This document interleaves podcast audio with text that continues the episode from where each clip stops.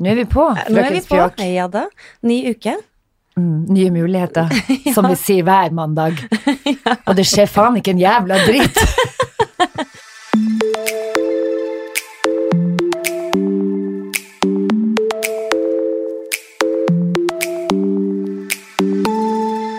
Men i dag så skjer det faktisk noe, for i dag så har vi fått to veldig fine gjester i studioet vårt. Ja. Skal du Velkommen. gjøre en liten introduksjon? Ja, det vil jeg. Da vil jeg ønske velkommen til Adam Sjølberg, som er en eh, veldig god venn av meg, og som nå har skrevet ei bok som heter Manual. Og så har vi også med Vi har med en psykolog som er venninna til han Adam. Ja, jeg går ingen steder uten. Nei, nei, litt støttekontakt. Har du også fått det? Støttekontakt, ja. ja. Hun heter Ingunn Rangull Askeland, og hun Jeg måtte bare, jeg måtte bare det si det. litt? Rangull Jeg, kan, var det kanskje det kuleste etternavnet jeg hørte. jeg vet det, men jeg måtte øve meg litt, hørte du. Jeg var veldig tydelig på det. Litt krevende. Uh, Ingunn, hvordan kom du inn i livet til Adam? Jeg starter med deg. Først vil jeg først si, hva jobber du med? Altså, jeg jobber som eh, psykolog i noe som heter Alternativ til vold, som um, jobber med familievold. Det vil si eh, menn og kvinner som utøver vold i, mot partneren sin, barna sine. Og ja, da vil vi møte de som utøver vold, og de som er utsatt for vold i familien. Og så jobber jeg som forsker på noe som heter NKVTS. Nasjonalt kunnskapssenter om vold og traumatisk stress. Som forsker. Ja. Det hørtes veldig heavy ut på mandag. Ja. Ja, ja, det er litt heavy på en mandag. Men også veldig interessant. Skulle gjerne ha sittet i lag Altså, med det er ikke sånn vi har blitt venner. Nei, nei, for nå for Adam, da lurer jeg på hvor kommer hun inn i bildet her? For du er ikke veldig voldelig. Jeg er ikke klient, eh, Nei, du hvis vi lurer på det. Nei, Nei. da. Nei, Ingunn har vært eh, venninne egentlig ganske lenge. Eh, og så ble det jo litt tettere samarbeid underveis med boken, da. Eh, som eh, er litt sånn Det er jo veldig mye av mine refleksjoner i denne boken, og da var det egentlig veldig kjekt å kunne sende det også til en eh, person som har litt mer fotfeste i, i fag, altså i psykologi, enn det jeg har. fordi at For det første er man jo redd for å si noe feil eller komme med råd som kan Ikke være skadelig, ja. ja. eller, ikke sant, som er direkte farlig og feil. Eh, kommer med råd som ikke stemmer. Ja. Har du et eksempel på et råd som blei sånn Det kan vi faktisk ikke ha med. Eh, Nei, det har ikke vært noe som vi ikke har hatt med, men det har vært noe med å få litt mer dybde. Det har vært noe med å få litt mer fot på ting i forhold til at Og det gjelder ikke bare rådene, det gjelder mine egne refleksjoner. At man kan ta det gjennom en fagperson som kan styre deg i litt mer i riktig retning om hva det faktisk egentlig handler om. Og så kan man jo gå en runde til i seg selv og, og kjenne på det, og så kan refleksjonen bli større. Mm. Og hva handler boka di om? Boka mi handler om meg. Nei, Gjør Nei, det den gjør jo det også. Eh, boka Manual den handler egentlig om eh, den, den heter jo Manual. Den er jo egentlig skrevet til menn, det er den, men den er for alle. Den er for mennesker. For den handler jo egentlig mest om hva vi tillegger kjønn og kvalitet, kontra hva man har behov for som menneske. ikke sant? Så det er jo det Jeg har fått noen Jeg har fått melding fra en del damer som sier sånn 'Jeg er dame, kan jeg lese boken?' Ja, altså, altså Jeg kjøpte boka her på lørdag, og jeg, dere var jo på bokbad på hva det fredag? To- Torsdag var vi på bokbad, Men jeg hadde mitt eget lille bokbad på lørdag. ba ja, du hadde i badekaret? Ja, jeg dro på, på Nordli og kjøpte meg boka og la meg rett og slett i badekaret og leste boka, og jeg grein. Og jeg syntes den var så fin, og så tenkte jeg det er jo faktisk ikke bare en mannebok, det her er en menneskebok. menneskebok. Men, men akkurat nå er det menn som trenger å høre det mest. Mm. Ja. Så den er liksom, Jeg pleier å si det ofte i intervjuer, at dette er en stor eh, bamseklem til menn. Mm. Men den er for alle mennesker. Mm. Altså for å si det sånn, hvis menn leser den boken og lar seg berøre av den, Mm. så er jo det en gave til alle kvinner òg, som er sammen Ja. med disse mennene. Ja, Eller Alle mennene som er sammen kjøpe med den her i mennene. julegave til ja nå er det vel snart farsdag òg. Ja, Er det? Er det ikke det, ja? Veldig Ja, er så farskapsdag. Gave. Farskapsdag Veldig fin dag. for oss. Nei da. Men dette er jo en perfekt gave. Men jeg tenker jo også for oss kvinner å lese den boka og lære oss litt om de tingene og de følelsene som mange menn kan sitte med, og som kanskje ikke kommer helt ut. Sånn Kanskje vi får en forståelse for en del ting. Undertittelen er jo det jeg og andre menn tenker, men ikke sier. Og Ja. så, og det er veldig sånn kortvarianten, for, for mi, mitt forslag originalt til den undertittelen var det jeg og andre menn tenker, men ikke sier fordi vi ikke vet at vi har tenkt det enda. Ja, men jeg hørte at det er veldig inn med lange undertekster. Og da var forlaget litt sånn Det ble litt langt. Men det er jo litt det, da, som at grunn Jeg tror veldig ofte det at man syns at menn ikke snakker nok om ting, er fordi de vet ikke helt at de har tenkt det de har tenkt, eller Ja. hvorfor de har tenkt som de har tenkt, eller gjør som de gjør. Eh, så dette handlet jo litt om å sette ord på følelsene, og hvorfor man gjør som man gjør. Så det er litt sånn du sier at jeg tror eller de som er i partnerskap med menn, eh, vil dra nytte av å lese boken fordi man vil få en litt mer forståelse for hvorfor menn gjør som de gjør, Mm. selv om ikke mannen selv vet det. Men det som jeg også syntes var så fint, det var jo at eh, ikke er det bare dine liksom, tanker, refleksjoner og erfaringer og sånn, men du har også dratt inn andre menn, både kjente og kanskje litt mer ukjente òg, Mm. som kommer med eh. Kan man, kan man kalle det et mannbrev? Ja, mann- Til andre menn, eller Mm. til sine barn, eller Ja da, det var ganske sånn åpent den e-posten alle de fikk Ja. i starten. For jeg visste jo at jeg ville ha med liksom det vi kalte for brev da, fra andre menn. mm.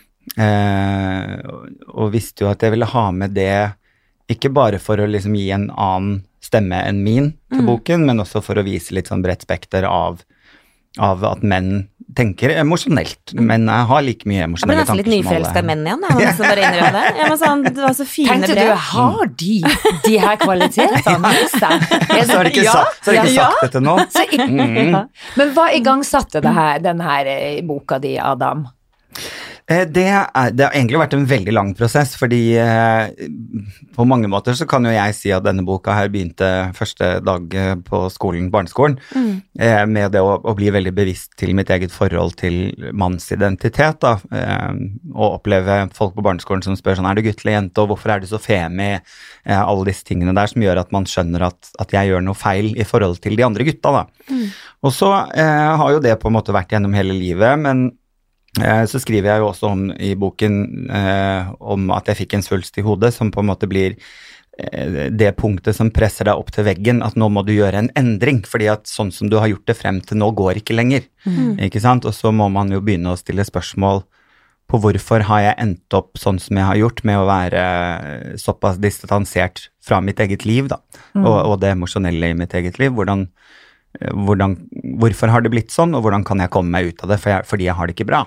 Var det en sånn aha-opplevelse, eller kom det litt sånn stigende? Eh, Svulst er gjerne litt aha-opplevelse. Ja, det, det, det forstår jeg, men prosessen hadde du i hele tatt vært inne på det før, og det på en måte ble veldig sånn utløsende for at nå må det faktisk skje? Eh, i- ja, jeg hadde, jeg hadde på en måte registrert eh, før svulsten Hadde liksom registrert at, at jeg er litt sånn off balance i livet mitt. Jeg er ikke helt i kontakt med det jeg burde være i kontakt med.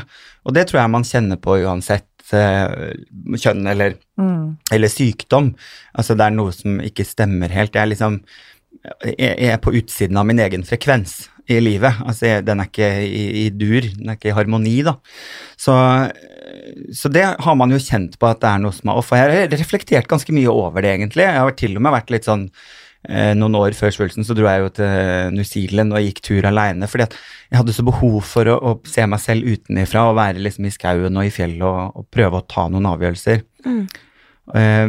men så, så var ikke det nok heller. Det no, noen ganger føles det litt ut som at livet prøver å bare sånn klappe til deg og si sånn hei, hei, hei, du må følge med, og så har du ikke fulgt med. Nei vel, da slenger vi inn en svulst. sånn at nå må du på en måte ta deg selv på alvor, da. Eh, og det, så det, det liksom Det ble jo siste eh, Siste invitasje fra livet, så nå må du på en måte gjøre noe.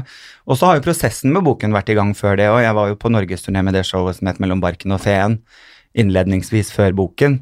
eh, Standup-showet, som var også en slags eh, humorvariant av det å, å lete etter egen mannsidentitet, da. Men Ingunn, har du vært en del Har dere vært eh, såpass nære og gode venner? Har du tort å åpne deg for Ingunn om dette? Har hun vært til hjelp? Ja, Det kan sånn ingen svare på bedre enn ja, meg. har, har hun det? For jeg kjenner jo Adam godt fra før. Vi Ja. har jobba sammen, eh, både i KK og Kamilien, og vi begge jobber Jeg jobber som stylist, og du frisør. Ja. Mm. Og da, sånn som jeg kjenner deg, så er jo du ekstremt raus og varm og gøyal Mhm. mot alle dine nærmeste, men jeg kunne merke at du stengte døra litt når det var noe som handla om deg og dine følelser. Det var ikke snakk om å komme inn engang. Vi bare Mhm. skjønte at back off. Mm. Back the fuck off! Oi, det var hissig, Adam. Inn, jeg kommer da Ingunn fra siden Nå ble det nesten voldelig, Adam. Ja. Nei, men det, um, jeg ble jo kjent med Adam, tror jeg, da den prosessen på en måte var i gang. Det vil si Mhm. at du kunne reflektere over at du var sånn. Mm. Ikke sant? Og da har du jo kommet et stykke på vei. Mm. Ikke sant? Når du vet at du sliter med noe. Sånn at ehm, Jeg var jo sånn Men hæ? Du kan jo ikke liksom Men det går jo ikke. Da blir man jo lei seg, ikke Mm. Eller da trenger man jo kanskje å snakke med noen. Sånn at ehm, han var i gang, og likevel så opplevde jo jeg det du sier òg. At um, Altså, jeg hadde jo en helt absurd samtale med deg før du skulle legges inn og opereres, og jeg er litt sånn ok, hvem, hvem er det du skal ha med deg opp dit? Ha med meg? Nei, jeg skal jo liksom Og, jeg, og da kom jeg veldig sånn Alle som skal gjennom sånn, må i hvert fall si det til noen, og liksom ha For det er en veldig stor Gud. forskjell på å skulle liksom innopereres for noe som er litt alvorlig, Ja, og ha sagt det til noen. Og for eksempel ikke si det til noen, da. ja, for Du hadde sagt til mammaen din at du skulle operere for en føflekk. Mm. Direkte løgn, kaller vi det. Mm. Ikke sant? Sånn at det var jo sånn Her sto jeg hamra, liksom, og jeg var sånn Skal jeg komme og hente deg? Nei. Nei. Det, det gikk så fint. Dessuten stakk han jo fra sykehuset lenge før han skulle. Mm. Så så var jo Ah, den derre Ja, jeg skulle klare selv. Helt sånn uh, på ting som, uh, som jeg i min verden da, tenker er helt naturlig å ikke klare selv. Ja. Nettopp eh, ikke. Mm. Men, men du tok jo ikke imot da, og jeg tror at vennskapet vårt var litt for nytt til at Ellers hadde jo jeg bare vært der. Ja, ja. Liksom, bare, Ja. Hadde ikke Men- men- stilt spørsmålet. Nei, liksom Jeg kommer, ja. Ja. Eh, ja. Når skal du hentes? Ja. Så at jeg Ja. Og så har jo vi snakket mye, og jeg tror at det med å snakke om tekst eh, er jo sånn litt sånn Safe det, zone. Ja, på en måte, for du, du, du, snak, du kom til meg med tekst om ting, og så kom vi inn på ting som var veldig alvorlige, Mm. som du hadde opplevd, som du på en måte har eh, definert som litt sånn ja, tullete eller ikke så farlig, og så kommer jeg og sier at eh, ja, men det der er jo alvorlig. Herre min, Du du, må jo det. ha tatt på deg terapirollen med en gang som en minne. Jeg skal Jeg lese hadde- gjennom det han har skrevet, og bare What is this? Vi hadde, jeg, jeg tror vi hadde sånn en kveld Vi hadde noe deadline på noen kapitler. Ja. Og så drakk du og jeg en flaske rødvin, og så gikk vi gjennom liksom veldig sånn, for jeg måtte levere dagen etterpå. Og da så jeg på Ingunn sånn når vi var ferdige, og jeg var sånn Kjempefint, takk, da kan vi sende av gårde. Så liksom på hele blikket til Ingunn at det var liksom bekymring ute Ja. og gikk. Og Ingunn var litt sånn ja, men eh, nå har vi jo på en måte Nå har vi jo gått gjennom kanskje sånn fem veldig store traumer på veldig kort tid, på sånn kanskje to timer. Ja. Så dette må vi jo snakke litt mer om en annen dag. Ja, ja. Så ja, da, så det heldig har du jo er som har Ingunn der. Men terapeut har jeg aldri vært. Nei. Nei. Det kan, altså det er en helt egen form for samtale, og Ja. hel, det er på en måte en helt egen kontrakt. Mm. Vi, vi er jo ikke i den relasjonen, Nei. men faget mitt har jeg jo. Sånn at jeg har kunnet liksom si altså at ja, det Snakke er til han som en venn, Ja, Mm. ikke sant. med en dose erfaring. Ja.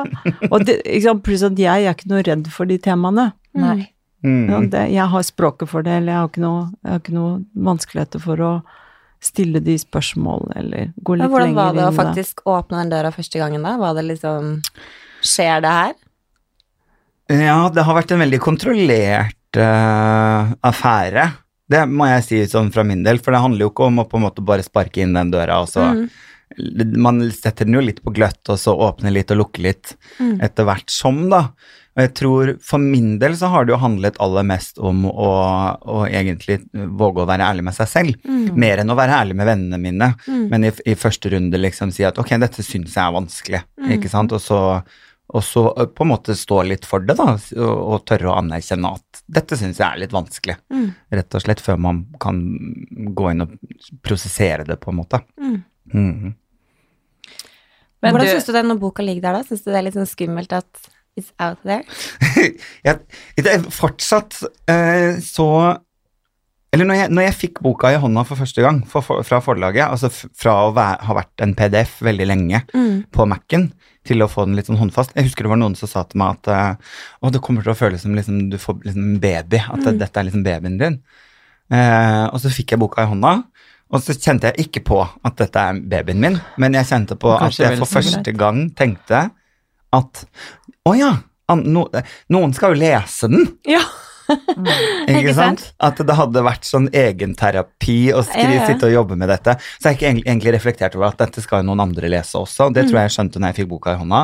Kanskje det er like å, ja. greit, for da kanskje du hadde lagt, enda, eller sånn, lagt litt sånn ekstra bånd på seg sjøl. Helt klart. Og det er litt som, som du var inne på, eller jeg vet ikke om du var inne på det, men litt grann det der med å, å, ta det via tekst har jo også vært en fin måte å distansere seg til problemet på, ikke sant.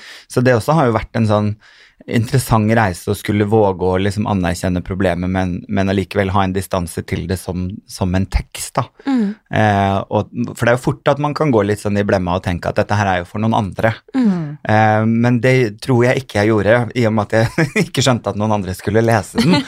sånn at jeg har jo gått veldig til verks personlig, og kanskje mer personlig enn jeg hadde gjort hvis jeg hadde hatt mer eh, fokus på at dette var en bok, da.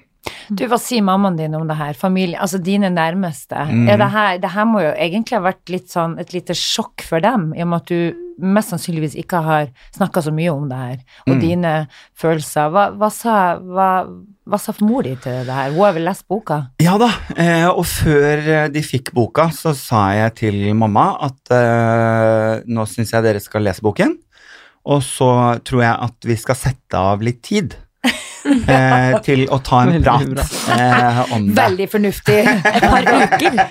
Har du lært av Ingunn? Nei, men at jeg tenkte at det var liksom den beste måten enn at man bare liksom gir boken og så ikke anerkjenner innholdet i den, men å si at ok, nå må dere lese boken, og så kan vi, kan vi sette oss ned og prate om det. Eh, og så har jo mamma i etterkant eh, liksom Hun har jo sagt eh, sånn at det var veldig vondt å, å skulle lese om opplevelser du har hatt som, som var vanskelig. Hvorfor sa du ikke noe den gangen? Så nei, men for jeg anerkjente jo ikke selv at det var noe særlig viktig. Sånn at eh, det har jo og så, og så snudde jeg det, og så sa jeg men sånne episoder har sikkert du også i ditt liv. Mm. Eh, jeg tror de fleste kvinner eh, kan relatere til metoo, f.eks., på en eller annen måte, da. Mm. Eh, som ikke man selv anerkjenner som alvorlig, eller, eller har latt bare gå forbi, da. Og så sa hun ja, det er jo helt sant. Men det er vondt å høre at du har hatt det vondt. Mm. Og så så, så har vi på, så vi har liksom luftet det, men vi har ikke fått satt oss ned i samme rom ennå. Det har vi ikke. Eh, men stefaren min har eh, også lest, og han er veldig happy, da. For det, han får jo bare ros i denne boken. Ja, gjør han det, ja. Ja. Mm. Men du, når vi er inne på mamma, Mm, jeg er jo mamma selv, ja. um, til to gutter, og det er veldig morsomt å, å se hvordan Nå har jeg en 16-åring som har liksom bladd litt i den og liksom syns det er veldig fint, da. Og hadde en sånn med at eh, Ja, og problemet her, vet du, mamma, det er jo at de gutta som kanskje aller mest burde ha lest den boka, de kommer ikke til å lese den. Mm. Men, men det jeg egentlig skulle si om mamma, ikke meg som mamma, men din mamma, det var at på torsdag, hun var jo på Ja, Bokbadet, men- Mm. og så sier jeg, og når du sitter der og hører på han, eh, er du stolt? Og så sier hun, ser hun på meg, så sier hun, ja, det er jeg, men jeg har jo alltid vært stolt av han, jeg. Mm, Det var så fint. Mm. Alltid vært stolt av Adam. Ja da. Det er, sånn sett har jeg vært ganske heldig med sånn, mitt liv med min karriere, da. Jeg har jo aldri hatt foreldre som har på en måte stilt kritiske spørsmål ved karrierevalgene mine. Ikke engang når du ville være Det, det syns jeg var så veldig skjønt når du på Lindmo, som du jo var på før Var det to, eh, forrige helg? Eh, det husker jeg ikke. Jo, det var forrige helg. Ja. Forrige fredag, ja. Og da eh, var det så gøy, for da sa jo du det at når de andre dro og spilte fotball og alt det her, så sto du på Hadde du lyst til å stå og synge Du ville bli Tina Turner du når du ble stor. Ja, det var liksom målet var å bli Og hva sa mor di da? Da sa hun at eh, den jobben tror jeg noen andre har allerede. Og du bare Hva? Ja, Ja, men jeg tror jeg tenkte på det som en slags stilling. eh, at man på en måte kunne søke seg til å Ja. bli det, liksom. Ja, Og at hun kommer jo på et punkt til å dø, liksom. Og da Ja. blir jo den tittelen Ja. altså ledig på Ja, markedet, up for grabs. grabs. Up for grabs. Åh. jeg liksom setter på meg at ja, ja, men jeg skal søke på den jobben en dag, jeg. Jeg var godt forberedt. Du Ja. hadde blitt en fin det Tina Turner. fin Tina Turner. En veldig lang Tina Turner. Veldig lang og hvit Tina Turner, og ja, ja. mandig Tina Masse Turner. skjegg. Masse skjegg. Jo, men Hvis du tar på en måte Tina Turner med håret og bare snur det opp ned, Ja. så blir det på en måte mitt skjegg. Ja, ja, ja. Mm. Fantastisk. Du har alltid blitt litt sånn kritisert for at du er så femin når du snakker, så det kom til et tidspunkt hvor du da droppa å si hei til folk, du bare tok et nikk.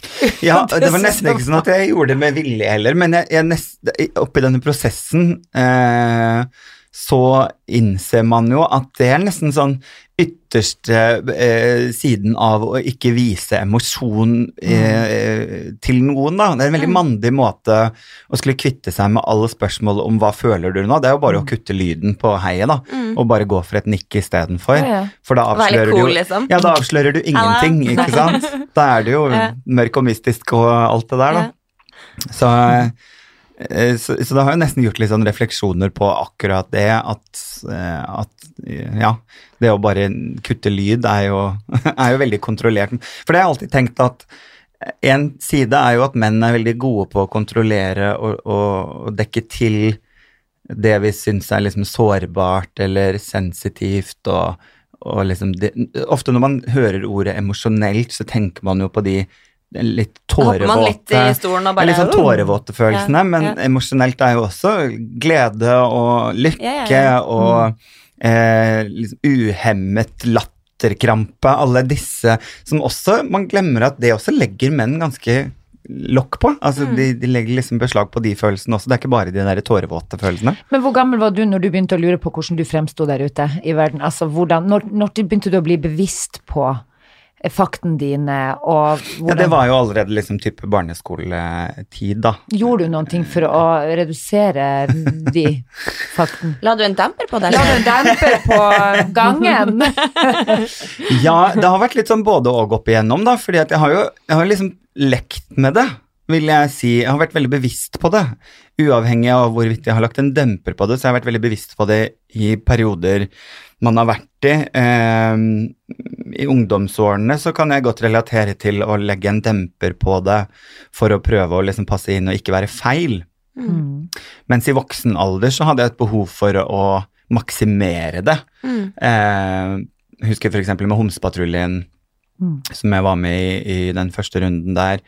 Da hadde jeg et behov for å være så feminin som jeg bare makta, ikke sant. Eh, og, som hadde jo med flere ting å gjøre, altså det skulle være underholdningsverdi i programmet, men, men det var også en måte å trøkke det i trynet på folk, fordi man går litt lei av å få kritikk på det. Mm.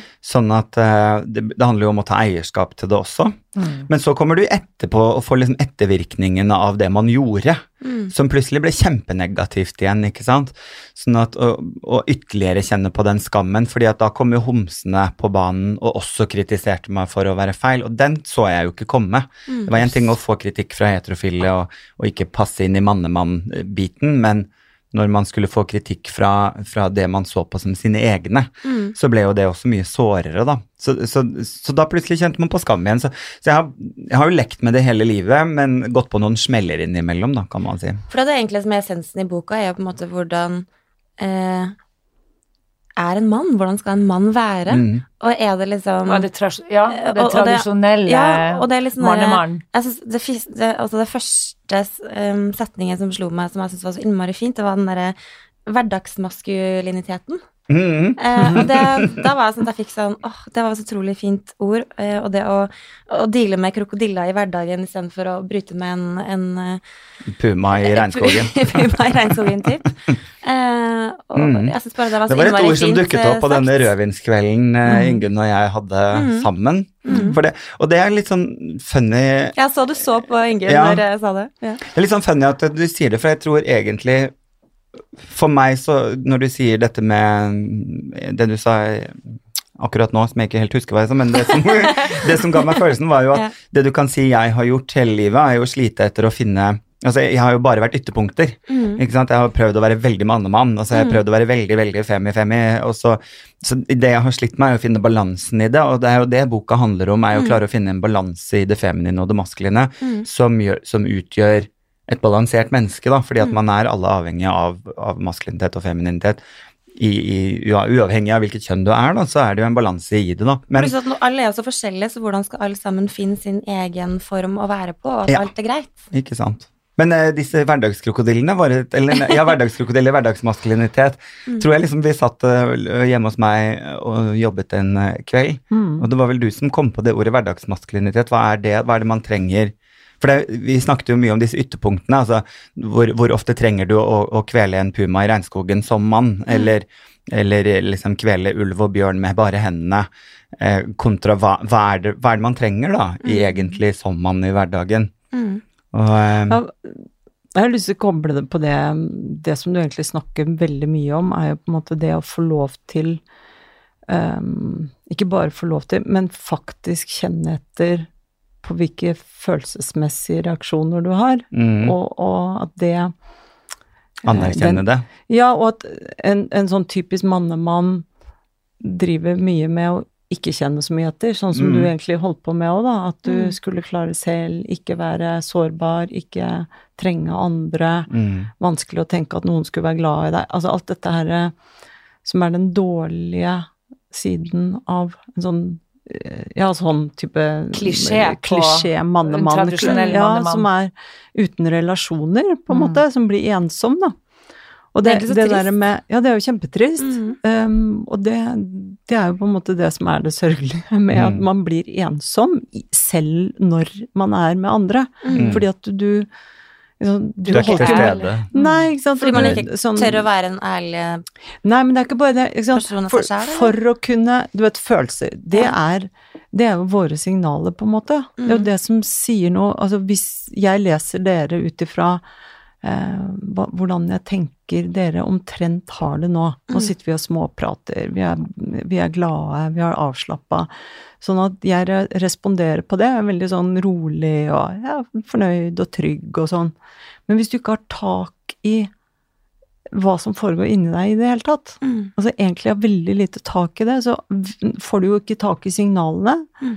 Og da er det jo heller ikke noe greit å vite hva du skal gjøre, altså, at du har ikke noe eh, språk eller forståelse på det, fordi at du har ikke fokus på det, du, Mm. du kjenner det kanskje ikke igjen. Og vet kanskje ikke hvor det kommer reaksjon- fra heller. Nei, du vet ikke hvor det kommer fra. Du kjenner ikke igjen den kroppslige uroen her, eller det knipet der, eller hva. Du, du har ikke språk for det. Uh, og da er det jo heller Sammenligner det litt som å gå på Oslo S, og så bare aner du ikke hvor du skal. Altså du bare, Mm. så ender du opp da i, i Trondheim, og så bare kjenner du at det var jo helt feil. Ikke sant? Da, du, du bare kjenner at. Men du vet ikke hvor det har gått galt. Jo, nei, du har ikke liksom kjent Ja, hvor skal jeg? Hvor, hva trenger jeg nå? Du har ikke håndtert det som skjer, at du har behov for å dra til Stavanger, eller noe helt annet. Jeg Da. vil skal fortsette på det, for det står også i boka Nå skal jeg bare få opp til eh, telefonen min her. Jeg har gjort noen notater. Og det å tørre å bli kjent med egne behov for å bli trygg på seg sjøl, Ja, det må jo på en måte være en litt sånn stikkord ja, der. Ja, Men hvordan det- gjør man det? Må man ha har Alle trenger en Ingunn i livet sitt. ja Ja. vel. Altså, de fleste har jo Altså, det hjelper å ha eh, gode foreldre som hjelper sine barn til å få lov til å å få lov til å utvikle seg emosjonelt, Mm. følelsesmessig. Ikke sant? Å, ble du redd? Så, ikke sant? Mm. Den følelsen, det heter redd, og da kan jeg få det, og den kan Mm. jeg håndtere sånn. Og i begynnelsen av livet så er jo alle, opp, um, alle barn er helt avhengig av å bli regulert av noen utenfor seg selv. Mm. Et barn som er helt ute av seg, trenger en voksen til å liksom, trøste, roe, og så lærer barnet å trøste seg selv, og så håndterer man de følelsene som kommer selv. Mm. Men ikke alt og hele tiden. Mm. Og så er det jo og Adam, du, du forteller veldig tydelig at det har mer vært en sånn strategi på å legge bort for du skulle være mann, Mm. klare selv. Eh, ikke sant? Sånn at du har nok hatt liksom egentlig hatt en god sånn Du, du skriver jo i boka altså at du var en veldig sånn nær, følelsesmessig, kroppslig, eh, mer spontan gutt, og så har du lagt Mm. det fra deg på veien. det er jo der jeg også prøver å liksom nøste litt opp i det, og også se litt på hvordan jeg tror, jeg tror mange foreldre behandler guttebarn og jentebarn forskjellige. Jeg tror man har lettere for å, å, å anerkjenne følelser hos jenter enn man har hos gutter, da. Og jeg kan jo kjenne på det selv, at liksom omtrent pinpointe i mitt liv når man innser at nå skal jeg ikke være så nær lenger. Ok, søsteren min får lov å være nær med foreldrene våre, mens jeg skal tydeligvis ikke det. Det er noe gutter ikke skal. Men det handler litt skal. om da. generasjon og de foreldrene vi har da. Ikke sant? Jeg husker i barnehagen eh, til min tiåring, så var det en som sa, en som jobba der, som sa til min sønn Nei, du, nå må du ikke gråte, du er stor gutt. Mm. Og da husker jeg, og så tenkte jeg bare Are you kidding? Jobber du i barnehage? Altså, jeg ble helt sjokka. Du må ikke gråte fordi at du er stor gutt. Så tenker jeg, han var fire år. Han er ikke stor gutt. ikke stor gutt. Og så er det noe med Skulle han ikke få gråte selv om han er Ja. gutt? Og da tenker jeg sånn, det, det, kommer det handler litt om hvor du kommer ifra. Og Mm. man vet jo at en generasjon før oss Altså, jeg tenker jo at Adam Vi er vel den nye generasjonen. Vi har, det har endra seg mye fra våre foreldres Mm. tid og deres oppvekst kontra nå. Ikke sant, Fedrene de står og ser på hver en fotballkamp. De får dårlig samvittighet hvis de ikke rekker å strekke Mm. til. Og jeg føler at de har, det har skjedd noen ting, i hvert fall. Jeg også føler at det har skjedd noe, men jeg har også veldig følelsen av at vi har veldig lyst til at det skal ha skjedd noe. Mm. Ja. Vi har lyst til å snakke på vegne Ja. av den yngre generasjonen og si men nå er det mye bedre. Ja. Og så kan man jo både se på statistikker og, og Ja. alt, og så er det jo egentlig ikke det. Og så kan man jo se på uh, Og så er det forskjell å være til stede og være til stede. Ja, definitivt. Absolutt. Eh, En Ja. sånn litt artig ting eh, som jeg leste her om dagen, eh, apropos det her med, med litt sånn å lytte på sine egne instinkter, eh, så eh, Sikkert ikke stemmer, sikkert ikke helt 100% men det var litt artig sagt at liksom, mennesket er også et av de Eller er det eneste dyret som, som eh, kan stille spørsmål ved egen magefølelse. At andre dyr, f.eks. De brukte da dette bildet med, med savanne, f.eks., med, med dyr som skal drikke av eh, vannet, som har dette blikket opp hele tiden, og ved den minste uro så løper de. De stopper ikke og tenker sånn Eller er det bare magefølelsen min? Eh, det Eller også hvordan var- passer dette? Jeg, burde jeg ta dette som en mann? Ja. bare Men det også var for jeg, jeg hørte på en podkast om, om kvinner og voldtekt, der alle de kvinnene som ble intervjuet, hadde visst på magefølelsen før det skjedde at her var det noe som var litt off. Eh, alle kunne relatere til at, at liksom Når han sa 'bli Ja. med hit', så tenkte jeg Det var noe i magen som egentlig allerede da visste det. Men vi er det eneste dyret som kan trosse den følelsen og si 'jeg blir med allikevel'. Mm. Og ofte av hensyn til jo, men 'hvem er jeg til å dømme hvem du er'? Ja. At man, tar, man legger ofte liksom emosjoner på, på den andre da, mens alle andre dyr ville løpt. De ville ikke stilt spørsmål ved instinktet sitt. De ville sagt 'å ja, nei, her skal ikke jeg være'.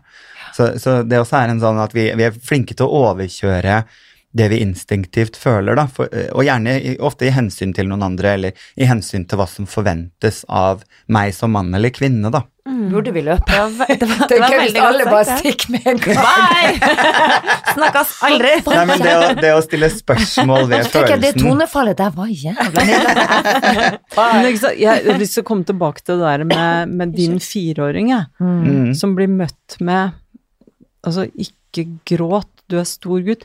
Altså, da har man jo på en måte heller ikke tatt inn over seg Altså, at føle, altså hva er det som gjør at han gråter? Det er jo det, det, er jo det som er spørsmålet Mm. voksne skal stille. Skal ikke han Så bli kommer det en da? sånn Ja, og det er jo ikke engang Man kan gå andre veien, da. Og så kan man si til den lille jenta å komme og sitte på fanget, Mm. og så trøster jeg deg. Men en annen måte å gjøre det på er jo bare godta at altså, den følelsen er der, du har en reaksjon, og så kan jeg sjekke ut hva, hva handler hva den om? Ja, hva Mm. er det for noe? Hva er det uttrykk for? For det er mange måter å ta den bort på. Enten ved å si at når du gråter, så trenger du trøst av meg. Mm. Ikke sant? Mm. Eller ta den bort fordi du er gutt. Men, men den der med å si at svaret nødvendigvis er at jeg skal trøste deg, det er jo heller ikke nødvendig Nei, ikke sant? Det kan godt hende at man trenger liksom hjelp til et eller annet løse et eller annet helt konkret, eller Men, ikke sant? For, det, for da femininiserer du veldig også. Ikke sant? Å si at små jenter, det, løsningen på alt er å få trøst av en annen. Ikke sant? Hva slags modell er man Ja, da da først har du også Jeg muligheten til å trenger fikse. alltid trøst av andre. Mm. Men jeg har jo faktisk sittet og sett på eh, barnet mitt eh, leke, altså da Bianca eh, som nå er 20, men når hun var lita, for hun lekte og med andre nabounger. Og så eh, var det noe diskusjon der. Først så ser jeg at faren til en av de andre guttene eh, bare kom og tok fra dukkevogna når han lekte med den. Mm. Og, og, så, og, og liksom bare Dette er, en tullelek, sier Mm. han. Så tenkte jeg å ja, han er ute av de som tror at ungen skal da selvfølgelig ende opp som homo for å leke med dukkevogn. Var det sånn før at eh, mange fedre ble redd når ungene likte rosa mer enn blått? Hva er, hva er frykten i den, denne det er jo litt sånn sosialt konstruert, dette her, da. fordi at hvis man går lenger tilbake, så var jo rosa guttefarge. Ikke sant? Hvis Ja. du går før, før rosa og blå i vår tid, så var jo det kan du jo se på gamle Disney-filmer. Alle prinsessene har lyseblå kjoler. Den så Ja. mild, mild tone. Ja. Mens guttefargen var jo den vibrerende, harde rosa. Rosa og litt Den var jo ja. ja. sterk farge, Ja. ikke sant? Så, Ja. så fra gammelt av så var det jo omvendt. Så det er jo noe vi selv har snudd. Det er jo ikke, det er jo ikke en fakta sånn er det, gutt er blå og jente er rosa. Det er jo noe vi har laget det til som, da. Mm. Og det var en tullete lek. Og så er det den verdiladingen at maskulint er bedre enn feminint, mm. ikke sant? At Mm. det ligger jo alltid der at det Mm. feminine er per definisjon Vært mindre. vært mindre, dårligere, svakere svakere. Mm. Mm. Og så er det jo også akkurat det eksempelet er jo helt ko-ko, for at eh, ja, disse skal han ikke da vokse opp og kanskje bli pappa, vise liksom. omsorg Altså, for det- det- disse Min gode venn Dr. Phil, min gode venn Dr. Phil kan jeg la meg sitere. Ja. Han sier at 'boys don't cry, only men do'. Mm -hmm. oh, ja. Mhm. Bare sånn fra Nei, jeg klarte ikke det. skjønte ikke. Boys don't cry, only men do. Det det, det betyr at når du er mann, så skal du tørre å gråte. Da er du skikkelig mann. Mm. Mm. Men det som er litt sånn interessant, som vi var litt inne på her også nå, er jo den derre som, som Ingunn også sier med at man lærer å regulere seg selv til senere tid, ikke sant. Med en gang du på en måte eh, setter løsningen på plass. Ok, jenter skal alltid trøstes, gutter skal alltid At man ikke får lov til å kjenne på hva er det egentlig. Kanskje jeg til og med trengte hjelp til å fikse noe konkret. Eh, du, du på en måte, du stikker jo kjepper i hjulene for hvordan barnet i voksen alder selv skal takle problemer, da, Mm. kan man jo si. Mm. At du, du frarøver muligheten til å lære eh, å takle selv. Eller å, å regulere seg selv, eller kjenne, kjenne hva er det jeg føler nå. Er det sorg?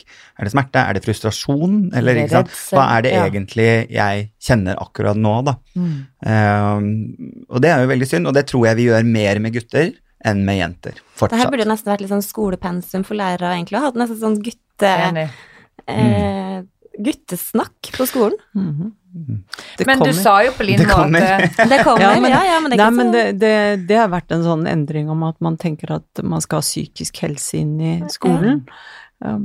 og barns rettigheter og? Altså ha den type fag. Så det, det kommer. Men for det var jo også interessant, eh, som jeg for, nevner også i boken, det her med eh, sånn helsesykepleier, eller hva det heter for noe. Ja.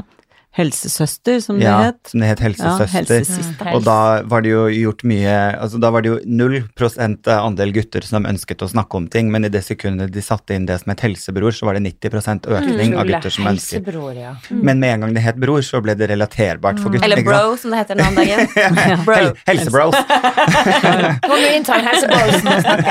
Men det var ganske interessant å se at ok, men da, da var det visst noen gutter som hadde behov for å snakke Ja. da likevel, da, ikke sant? Så ei helsesøster burde jo ha en kompetanse i litt psykologi. At de går videre viderekursing på noe og får enda litt bedre betalt for å faktisk være til stede og håndplukke de her, eller få inn alle på til en sånn der jevnlig samtale. Tenk deg hvor mye man kanskje kunne forebygga. Vet du hva, må, da må jeg bare fremsnakke helsesøstrene. Ja. Det er helt genialt. Helsesøstre, helsebrødre, de gjør en så viktig jobb, og veldig mange av dem er nettopp gode på å snakke med ungdom om akkurat hvordan de har det. Og de er gode til å formidle videre når det Jeg skulle å si, fungerer De ikke er- også de litt som filtre før liksom de må plukke ut Ja, de som skal sendes videre. Ja. Mm. Ja. Mm. Eller bare sånn jevnlig kontakt. Jeg kjenner jo Mm. barn og ungdom som går nettopp til eh, den eh, som er ansatt da, som helsearbeider på sin skole, og bruker vedkommende til ting Mm. som er vanskelig, eller debrife liksom, altså, Og det mm, Vi vet at eksempel på mitt felt, da, som vold og overgrep og noe, så er det mye oftere det er helsesøster som får vite om Først. Ja. Men tenk deg så mange voldsmennesker der ute som kanskje ikke har hatt eh, veldig aggressivt eh, sinn, hvis man hadde fått litt hjelp på tidligere tidspunkt om å liksom forholde seg til følelser og eh, Lest Ja, boka. det vet jeg lest ikke. boka Lest til boka. Adam. Det vet jeg ikke. Så du jobber jo med dette her daglig, Ingunn, i forhold til Hva årsaken er Ja, altså, alt fra, jeg vet ikke om dere så Barneombudet var ute i dag. Nei. Altså, det er en Nei, det er sånn bred enighet om at Nei, hun var bare ute at hun skulle ønske at hun så et politisk parti som gikk til valg Mm. på å bedre livsvilkår og, og barns eh, ikke sant, For barns psykiske og fysiske helse, da. Mm. Og det er jo der gullet ligger. Å Mm. komme inn tidlig. Mm. Kom inn tidlig, se de som sliter, eh, og kunnskapen om barn er jo mye større i dag. Det er jo ikke sånn at Mm. lærerne slår barna på skolen lenger, Mm. eller ikke sant, vold er kriminalisert. Det er jo masse sånn, og allikevel så lever jo den her ideen om hva gutter skal være og menn skal være, som du skriver om. At det, i hvert fall på en bit av det med, med å være maskulin, er trangt, da. Mm. Um, på det mer sånn hva som er lov følelsesmessig og, og Hva hadde du sagt Altså- til unge Adam på barneskolen, som voksen Adam i dag? Oi. Eh, det, er, det der tror jeg er så vanskelig å si. Jeg, for en gang, jeg husker jeg leste kanskje det beste svaret på det spørsmålet der. Eh, så det er ikke jeg som har svart det, men eh, det, faktisk var det Caroline Krüger som ble stilt i sånn VG-spørsmål hva skulle du ønske du satt, eller hvis, hva kunne du sagt til deg selv som tenåring? Mm. Og da sa hun eh, det blir bedre.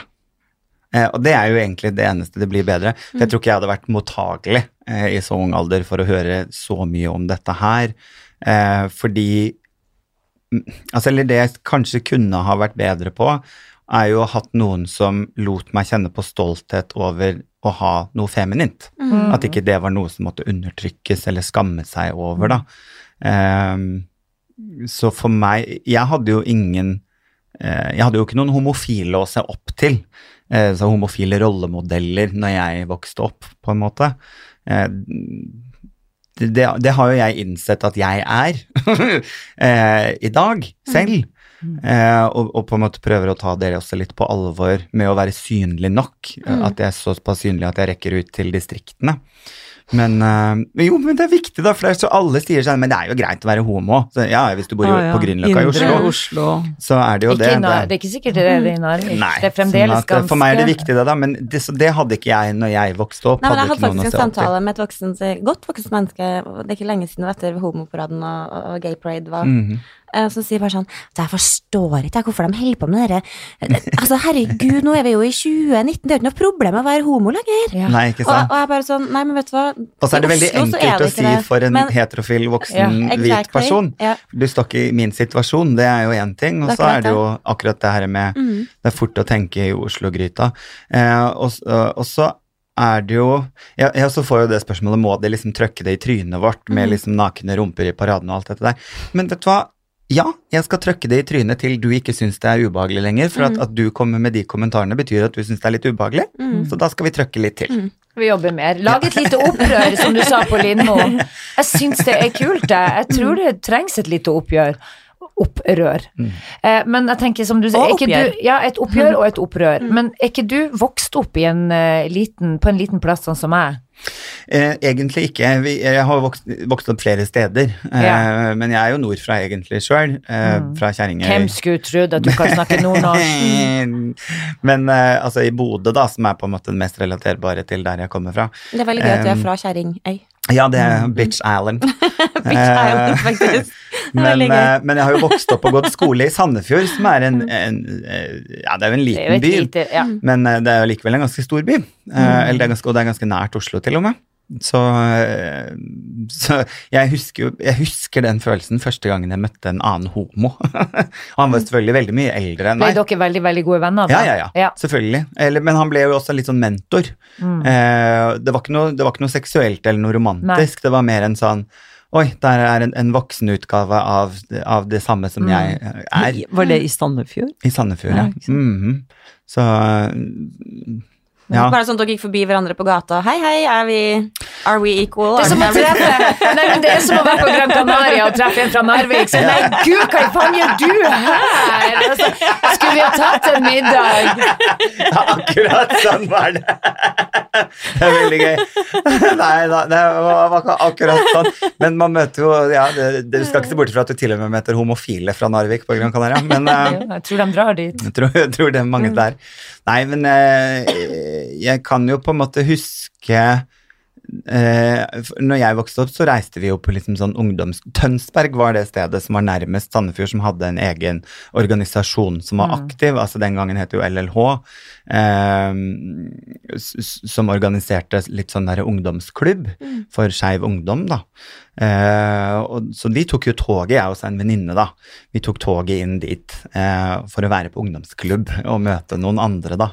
Men ikke sant, så, sånn sett så var det jo lettere å finne noen. I gamle dager, så eh, før min tid, så hadde man jo enten Reiste man ut av byen? eller så hadde du ørering på høyre øre, eller du hadde et skjerf i baklomma på venstre side. ikke sant? Nei, du hadde disse symbolene. det var noen triks, Mm. noen koder, liksom, som dere måte visste. Ja. Men vet du, jeg har en historie som er litt rørende, og det er em, en fra hjembyen min da, som var sammen med ei venninne av meg.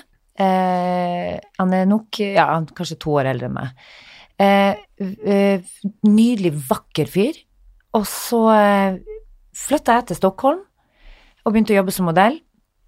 Og så står jeg på et utested, og så ser jeg han eh, på andre sida av baren, litt sånn langt borti der, og tenkte å gud, herregud, så gøy! Og så skal jeg springe bort og gi han en klem idet han kysser en annen fyr. Mm. Og jeg fryser opp og står og ser. Og Det hadde ikke du sett før. jeg hadde ikke sett det noen gang i hele mitt liv, to menn som kyssa. Nei da, men ikke fra Narvik. Nei, ikke sant, det er det. Så jeg rygga sakte, men sikkert bak og tenkte Å ja, for det var eksen til venninna Og så tenkte jeg bare Uh, Nå skjønner jeg ingenting. Jeg måtte bare liksom uh, komme til meg sjøl et lite øyeblikk og tenke Skal vi se Hvordan skal vi gå frem nå? Tenkte jeg skal han Jeg må prøve sånn at han ikke ser meg. Og idet jeg rygger bak, så snur han seg, og så ser han meg. Og blikket bare møttes, og det var bare sånn You better not tell anyone Mm. from my city what you just saw. Og så var det bare sånn Vi er enige. Men jeg gikk ikke bort. Jeg gikk faen ikke bort. Jeg skulle ha gått bort og klemt han, men det er fordi at vi begge kom ifra samme sted, Mm. og vi vet hva det dreier seg om, eh, og vi visste hvordan det var å vokse opp i en liten by. Eh, janteloven, og da kan du også tenke deg hvordan det var å vokse opp Og så er det jo homo. dette med, med andre menn ser på ikke sant? Hvordan ser vi på feminine kvaliteter, da? Altså, altså, ofte så jeg kan, jeg kan ta meg selv i å gjøre det innimellom. Hvis, jeg har, hvis det er noe gærent med noe Hvis kjøleskapet hjemme hvis det stryker med, så kan jeg ta meg selv i å si sånn jævla homo-kjøleskap. Eh, eller- og jeg har liksom kompiser som Hvis jeg sitter i bilen, så kan de si sånn jævla homobil. Fordi det er noe feil med gir eller noe. Men det man egentlig gjør, er jo også å si at dette er defekt. Ja. Ikke sant? Det er jo det man sier, nå er det noe defekt, da. Mm. Og det er jo det man kjenner på i forhold til dette med feminin og maskulin som homo, er at jeg er en defekt mann, ikke sant? For det er sånn vi ser på det, da, at jeg er ikke verdt like mye som de andre mennene rundt meg, for de er riktige. Mm. Og det er jo ofte det som vanskelig å, å, kjenne på. Og jeg også hadde jo en i min parallellklasse som var en av mine En av de jeg grua meg til å møte på skolen, og ordentlig guttegutt.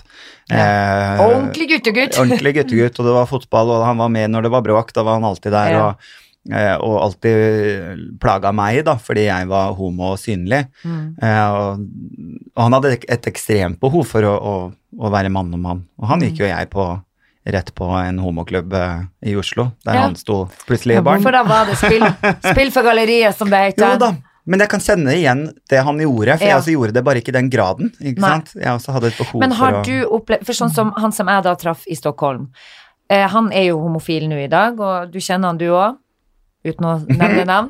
Eh, og, og i aller høyeste grad står for den han er. Uh, men det tok jo den tida det tok, da, selvfølgelig. Men han var sammen med ei jente først. Mm. Og da lurer jeg på, hvis du er 100% homo, mm. tror du det er mange som da går inn i den rollen og later som at man liker jenter, for å på en måte trosse den man egentlig er? Man vil jo ikke altså Det er jo et utrolig liksom, sårt tidspunkt. Da. Tenåringstida, det der å skulle passe inn og Det er jo veldig vanskelig å skulle være den som skiller seg ut. Mm. man vil jo ikke det. Og eh, når man på en måte begynner å kjenne på disse følelsene som jeg hadde, som var annerledes enn de andres, så kjenner man jo på at liksom jeg, jeg, kan, jeg kan vel få det vekk om jeg vil nok, så kan jeg jo ta det vekk, ikke sant? Og begynne å undertrekke er så de følelsene Tenk også, da. deg det, er så grusomt å være et sted. Det er som å gifte seg med feil fyr. Det er neste, det er neste Det er neste for å si det sånn. Nei da, men det er jo men helt klart Jeg, jeg også hadde jo på en måte dame i en periode der jeg visste at jeg egentlig hadde følelser for en annen gutt, men jeg også hadde jo dame for å på en måte Dekke opp over. Ja, eller Mm. Ikke dekke over, men jeg kan jo tvinge meg selv. Mm. Ja, men klarer man å tvinge seg inn i de følelsene, de ekte følelsene, for Nei, et kvinnemenneske? Nei. Man gjør jo ikke det. Jeg tror det er litt Det er enkelt også å tenke på det som Altså, det er jo ikke sånn homo, hetero Altså, det er mange varianter Jeg jo, kjenner jo veldig mange som har ja, vært sammen med Altså, som kvinner, da, vært sammen med en mann, vært sammen med gutter, menn, og så møter de den ene kvinnen hvor de Mm. forelsker seg, så har de et forhold til en meg- kvinne, og så, og så gifter de seg med en mann Mm. etter det. Altså, det, det er jo ikke noe to ulike sånne Nei. helt distinkte kategorier her. Ikke sant? Det er masse kategorier. Det burde i hvert fall ikke være det. Nei, og det er det jo ikke. Hvis du ser på hvordan det faktisk er. Mm. En ting er hvordan vi tenker oppi hodene våre, at vi kan lage bokser og alt Mm. mulig, og si liksom, det er vi heterofile og de homofile. Mm. Men verden er jo ikke sånn. Mm. Verken på kjønn eller på hvem man forelsker seg i. Det er ikke bare to sånn. bokser. Nei, og det det er også har jeg liksom lært meg å, på, i voksen alder, for jeg har jo kjent på følelsen av å, å jeg, er jo, jeg er jo bare homo, skjønner du hva jeg mener? Men jeg er jo like rigid på det som disse heterofile mennene som er sånn 'Å, jeg kunne aldri klina med en gutt'. Altså, jeg er nesten like rigid bare på andre siden av skalaen selv. Og så har man på en måte blitt voksen og, og, og, og levd litt og møtt mye folk og anerkjenner at det er ikke bare to bokser, ikke sant. Det er flere bokser ute og går her, og at det er forskjell på preferanse og, og, og seksualitet, ikke sant? Min preferanse er jo menn. Men hadde det bare vært du og jeg igjen på denne jorda, Isabel, Så hadde, ligget, så hadde hadde ligget du sammen. måttet tatt meg av så hadde jo jeg fått til det. Altså, eller man kan jo stille seg et så enkelt spørsmål som på en måte i en trygg situasjon der jeg ikke så hvem det var, så blir man jo Jeg tent sto av helt berøring. nederst på lista. Du sto helt nederst. Det var siste Du var den valget. eneste Hadde det bare i vært hele deg, verden, Isabel, så skulle han vel faen ha overlevd. Ja da, på men, men det er jo noe med at liksom berøring, uavhengig av kjønn, så er jo berøring kan være seksuelt tilfredsstillende, for eksempel. Altså, mens preferansen min er jo andre menn. Men det er forskjell på preferanse og seksualitet. Jeg hadde en kompis på, på barneskolen, eller, og, og ungdomsskolen selvfølgelig, som, eh, som ble sammen med en jente. Men jeg, var jo, jeg visste jo at han ikke var det. Eller så at han var, han var jo gay. Mm. Eh, og når han da ble sammen med hun eh, jenta, så sa jeg bare sånn Men kjære Per, la oss kalle han Per. Mm. Du er Sundnes. jo Skjønnes.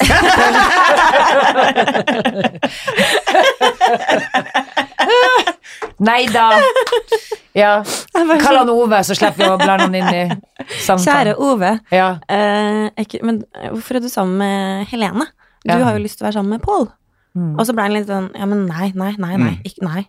Jeg, ikke, nei, jeg liker jenter.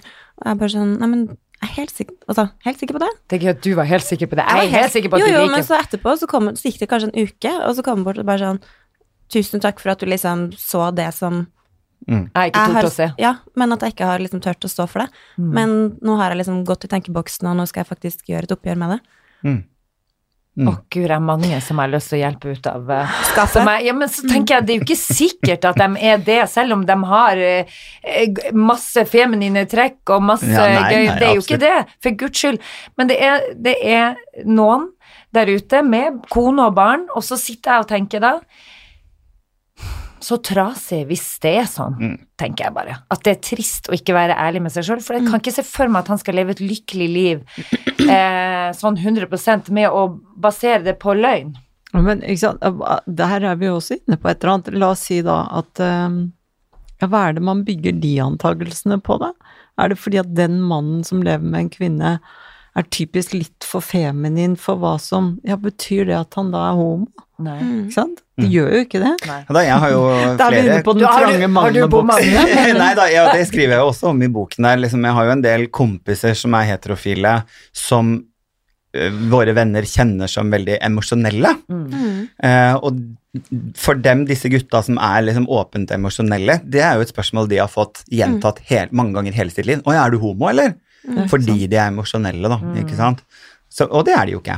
Eller som eh, min mann som møtte en, eh, en fyr på et kurs. altså, det var så hyggelig, da. Så de snakka masse sammen. Og sier du, skal vi ta en kaffe en dag, liksom, sier da min mann. Og da kommer jo De har etter hvert utvikla et vennskap, da. Men han sier jo da at førsteinnskytelsen hans er nå Nå spør han om Han jeg vil drikke. Ja, ikke sant? Gud. Er, er han homse? Ikke? Og Og er den får jo jeg også veldig ofte. Jeg. Ja, det er sørgelig. møter Ja, jo det det er det. Er det så trangt at Ja. man liksom Ja. ikke skal si 'Gud, hvor hyggelig å Mm. møte deg', liksom? Jeg jo, det møter jo er feil. mye menn som eh, liksom, eh, jeg har det hyggelig med, og vi kommer godt overens. Mm. og sier 'fader, skal vi ta en kaffe en dag', liksom? Og så ja, ja, det kan vi gjerne gjøre. Men jeg vil bare si at det. Ja, eller de sier jo det, da. Jeg er ikke homo, men vi kan jo gjerne ta en kaffe en dag. Ja, nei, altså, Det er bare Ja, ja. sånn, ja. Ja, for at med en gang en mann Med en gang vi har det hyggelig. så, Ja, ja, ja, ja. Men så hvorfor er det en redsel der for enkelte menn? Og skal bli Altså, jeg blir så smigra hvis det kommer ei lesbisk ei og, og prøver seg på meg. Jeg tenker gud bedre, er det sant? Det er nesten så jeg kunne ha blitt det. Bare Men altså, jeg blir sjekka opp mer av damer ja, men jeg for syns det er så eh, smigrende, men hvorfor syns menn det er så skummelt? Og, Ja, det er jo og, og, bli, sammensurium av at vi syns dette med så Sånne menn er jo på en måte defekte, da. å bli prøvd seg på av en, Er det det? gay. Hva er det som er Jeg vet ikke. Ja, fordi at da, da tenker man vel at man ikke er mann nok selv, da. Mm. Ja. At man blir sett på som for feminin eller defekt mann, og det er veldig truende for maskuliniteten. Altså, ikke sant? At det er noe der. Men der igjen var det et sånn fin kvote fra boka di. Jeg er blitt en sånn eh, Gøy du blir en kvoter. Ja, du har blitt en kvoter. Eh, emosjonelle kvaliteter er uniseksuelt. Mm. Den syns jeg egentlig var litt fin, for det er litt sånn Det burde ha vært sånn, men hvorfor er det ikke sånn? Det er jo sånn. Det er egentlig sånn, men men er det egentlig sånn? ja. Hvis du skjønner hva jeg mener. Jo, det er jo ikke sånn at guttebabyer gråter mindre enn jentebabyer, eller har mindre følelser. Mm. Så det er jo Det er jo noe vi tillegger dem. det er noe vi tillegger dem. At det er noe vi lager. Men da kanskje vi må bli klar over det, Mm. ta det tilbake igjen, at det faktisk er det. Ja, jeg tror i hvert fall eh, noe av det jeg hadde litt lyst med den boka her, var jo i hvert fall å, å bare sette litt ord på det. Mm. Eh, og selvfølgelig har man jo et håp om at noen eh, flere enn en jeg skulle lese den boken. Eh, Du er en bestselger allerede. Jeg syns vi gir en liten eh, klapp for. Takk, Ja. takk. Men eh, Og det, det også har altså Ingunn og jeg har snakket om det, for det, det, det, denne boken handler om ganske banale ting, egentlig. ikke sant? Det er ting som, som vi kan sitte nå og si sånn Ja, men, ja, men guttebabyer gråter ikke mindre enn jente... eh, eh, Eller, ikke sant? Det er, er jo egentlig kjempebanalt. Altså, dette er et menneskebarn At det i det hele som tatt er et tema. Ja, det er jo banale Ja. ting å skrive om, da.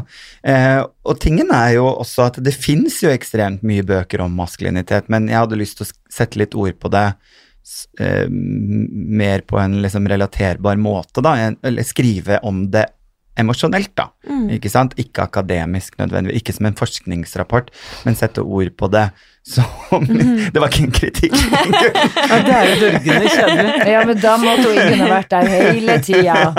ja, ja, men det var jo noe med å sette ord på det på en emosjonell måte som Ja, Men du, har folk kan relatere til. Har du gjort de tegningene selv? De er veldig, veldig søte. Takk. Det er jeg som Det er også veldig gøy når man vet hvor mye jobb det er å skrive en bok, og hvor vanskelig det er å skrive en bok, og i tillegg skal ha en fulltidsjobb som standup-komiker ved siden av, og, og egentlig bare sånn, Hadde ikke et minutt til overs i hverdagen, så hørte jeg meg selv si på et møte med forlaget så det var som om jeg sto utenfor meg selv, så sa jeg sånn Det her hadde det vært kult med noen tegninger, da, folkens. Og, så si, og forlaget var sånn Ja, det, hadde, det er en kjempegod idé. Kan du tegne? Eh, kan du tegne de? Og så, så hørte jeg meg selv si sånn Ja, ja.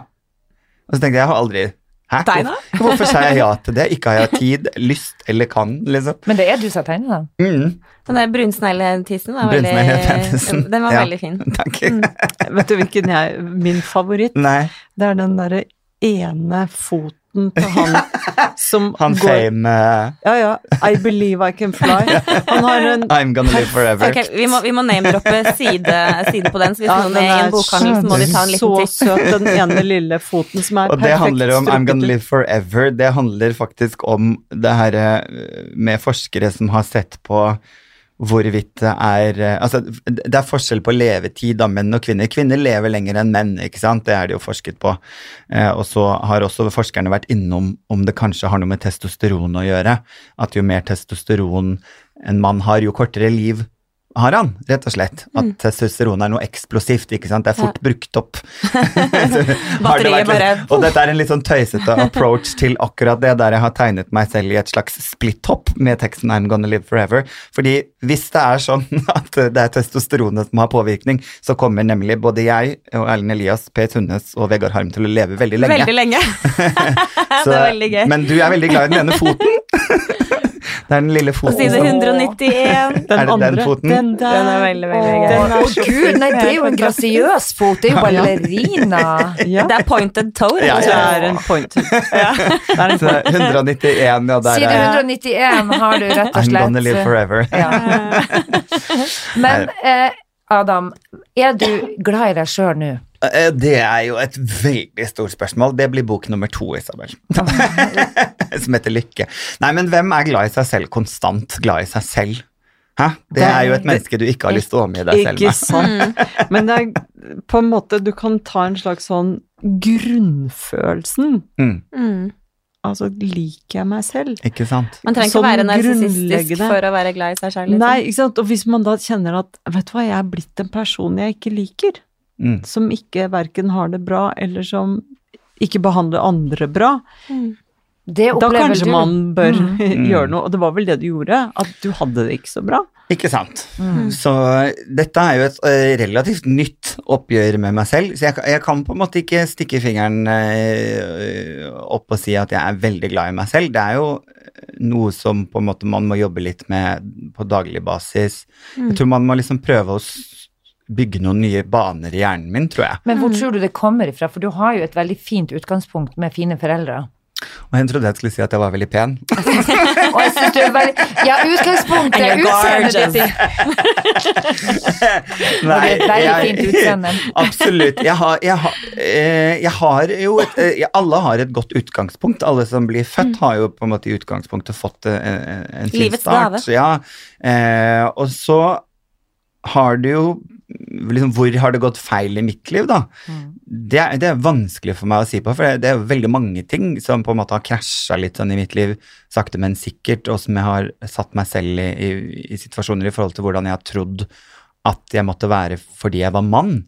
Og, og så har jeg bygd sakte, men sikkert baner eh, i, i, i, liksom, i hjernen min eller i livet mitt om hvordan jeg hva er mitt reaksjonsmønster, hvordan takler jeg ting, som jeg sakte, men sikkert har gjort til en vane som har satt meg på et dårlig sted.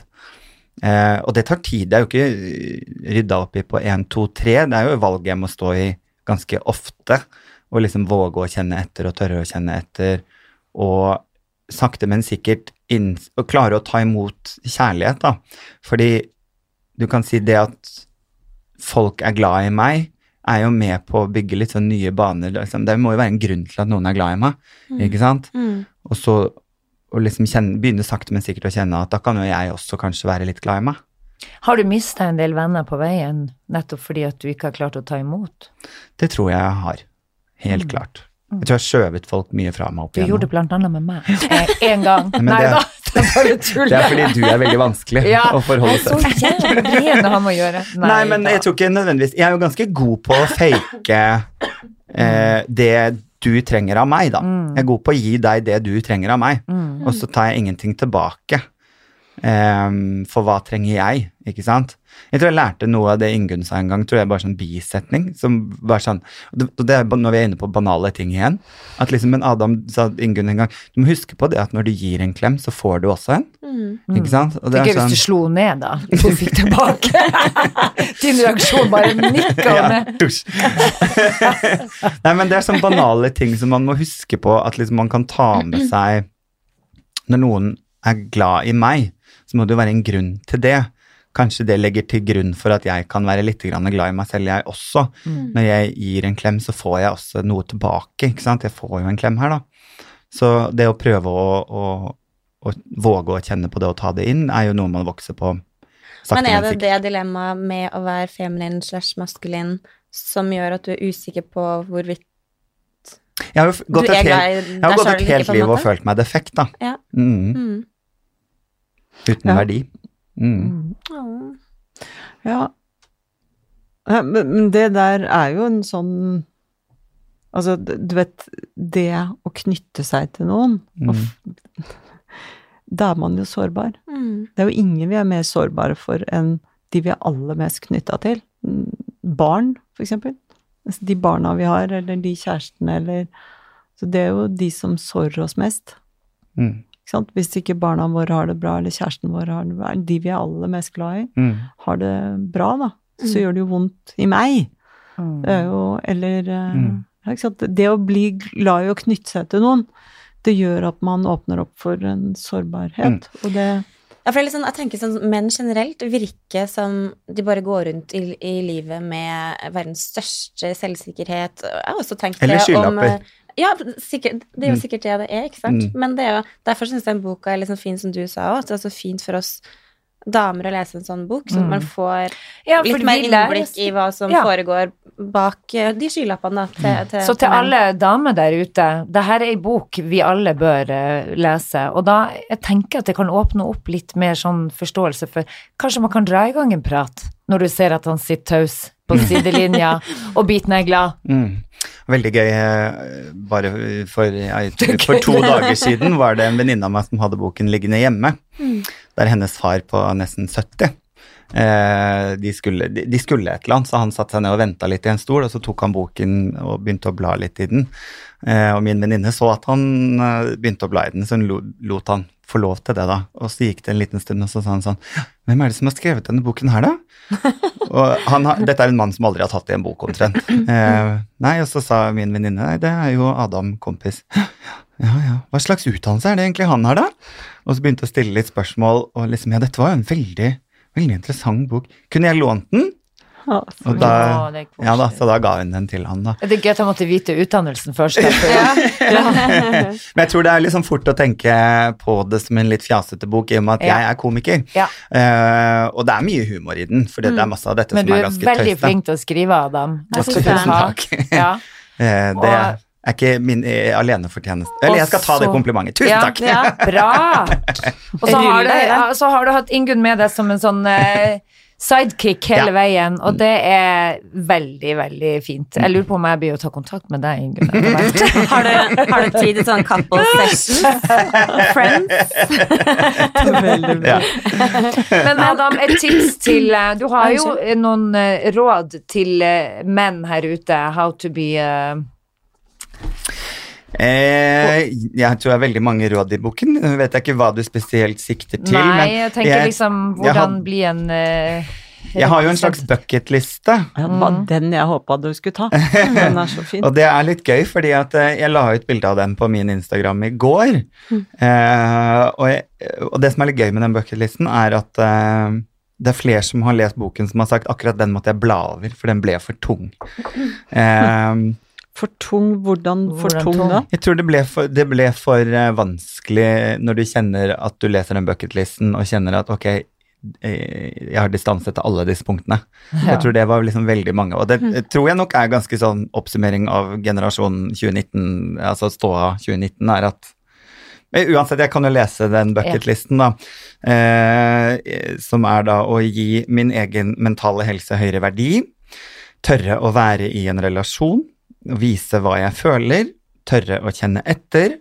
være stolt av meg selv iblant, tørre å delta i en samtale om følelser, og innrømme at jeg også sliter med noe. Og det viser seg å være vanskeligere enn bucketliste som sier hopp i fallskjerm. Eh, Dette er vanskeligere enn å hoppe i fallskjerm. Og det betyr ikke at man på en måte skal gå gjennom den som en sånn checklist, sånn check, check, check, nå har jeg naila det, men det kan være fint å sjekke inn på en sånn liste iblant og se Sjekke sånn innom, bare. Sjekke innom. Jeg tror flere som har eh, hengt den opp eh, på speilet. Bra. Mm, Det føler jeg også damer kan gjøre. helt klart. Jeg kommer, jeg kommer, jeg kommer Denne boken, denne boken handler som sagt om å være menneske, ikke sant. Så uavhengig kjønn, så er det definitivt eh, råd man kan ta med seg som en sånn sjekkliste på veien. Tusen takk til begge dere to for at dere kom. Adam, eh, vår ukens tips kommer nå til å bli denne boka. Manual av Adam Skjølberg Snart farsdag. Ja, Mm. så løp og kjøp. Og Ingunn, tusen takk for at du kunne komme, er du òg. Ja, takk for Og at for jeg en fikk være her. radiostemme. Ja, oh, sant? Ja, Det er sånn Siv, Siv Stubbsveen, sånn- kjærlighet uten Ja. grenser. Ja. Kan, kan jeg betale deg bare for at du sitter og snakker inn i øret mitt? Det går veldig. Helt nydelig. Veldig bra. Tusen takk for oss. Alle må Ja, sjekke ut manual. Du får det sikkert på de fleste Alle. Alle, faktisk. Mm, mm. Og den er veldig poppis, så ta et eksemplar før de forsvinner ut av reolene. Og Marte, vi poddes neste uke. Det gjør vi. Du får voie deg, vi dro opp til Tåsen. jeg får eh, faktisk ikke gjort det, fordi jeg har kjørt bil i dag. Oh, det var kjempeinteressant, kjempeinteressant. for dere der ute å høre. Ha det, alle sammen. Vi snakkes til neste uke. Ha det. Ha det.